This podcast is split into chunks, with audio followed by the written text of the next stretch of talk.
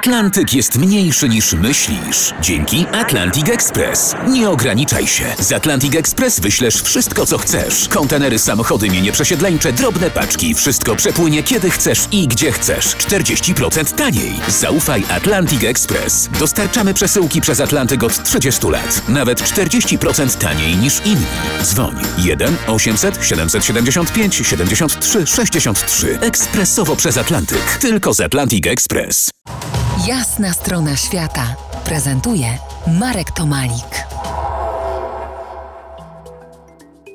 Moim gościem orientalista Krzysztof Gutowski z Instytutu Kultur Śródziemnomorskich i Orientalnych Polskiej Akademii Nauk. Rozmawiamy o, o Indiach, ale teraz e, o takich Indiach, ale nie w Indiach. Siedem sióstr e, to jednoznacznie kojarzy mi się z Plejadami, córkami Tytana Atlasa, który na swych barkach na rozkaz Zeusa dźwigał sklepienie niebieskie. Co jest z tymi siedmioma siostrami, jeżeli chodzi, jeżeli popatrzymy sobie na mapę Indii? Gdy spojrzymy sobie na mapę Indii i często jest to mapa narysowana nawet y, indyjską dłonią, może się okazać, że tam za Bangladeszem jeszcze coś jest. Czasami to jest w ogóle pomijane i, i, i nie pamięta się o tym. O tym pamięta się ostatnio nieco więcej z powodów politycznych i geopolitycznych, ale rzeczywiście na północnym wschodzie Indii mamy siedem stanów. To są stany Arunachal Pradesh, Assam, Manipur, Nagaland, Mizoram i Tripura. Tak, jeszcze siódma.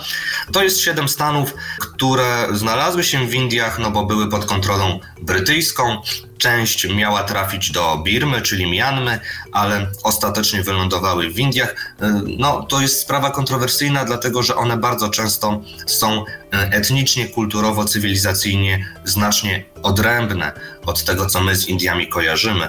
Jadąc y, kiedyś do Sikkimu, kiedyś niezależnego kraju, dziś i wczoraj stanu w północno-wschodnich Indiach, patrzyłem tęsknym okiem w kierunku tych sąsiadujących stanów, o których mówisz, ale tam od zawsze jest niebezpiecznie. Tak jest teraz, tak było kilka, kilkanaście lat temu i chyba nawet dekady temu. Tak, to jest region, który ma charakter graniczny, transgraniczny. Jest to region przejściowy e, o bardzo ważnym położeniu też geopolitycznym. W związku z tym oczywiste jest, że musiało się tam dziać i ten Sikkim, zresztą e, o którym wspomniałeś, nazywany jest bratem, tak? To znaczy to jest siedem sióstr i ósmym jest właśnie brat Sikkim.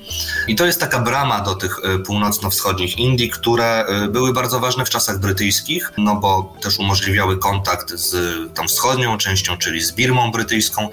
Obecnie jest to obszar w dużej mierze sporny między Indiami a Chinami. I ponieważ te ludy nie do końca i nie zawsze są w pełni zasymilowane z, z tym głównym nurtem indyjskości. Moglibyśmy sobie tak zaryzykować, chociaż trudno by było pewnie ten główny nurt zdefiniować. No to mamy tam problemy.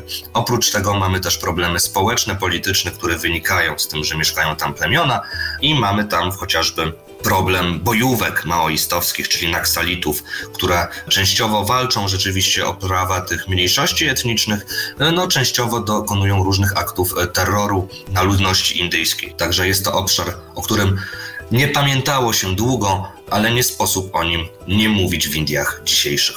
Do siedmiu sióstr indyjskich, choć tak naprawdę mało indyjskich, wrócimy za kilkanaście minut. Zostańcie z nami. To jest jasna strona świata w RMS Classic.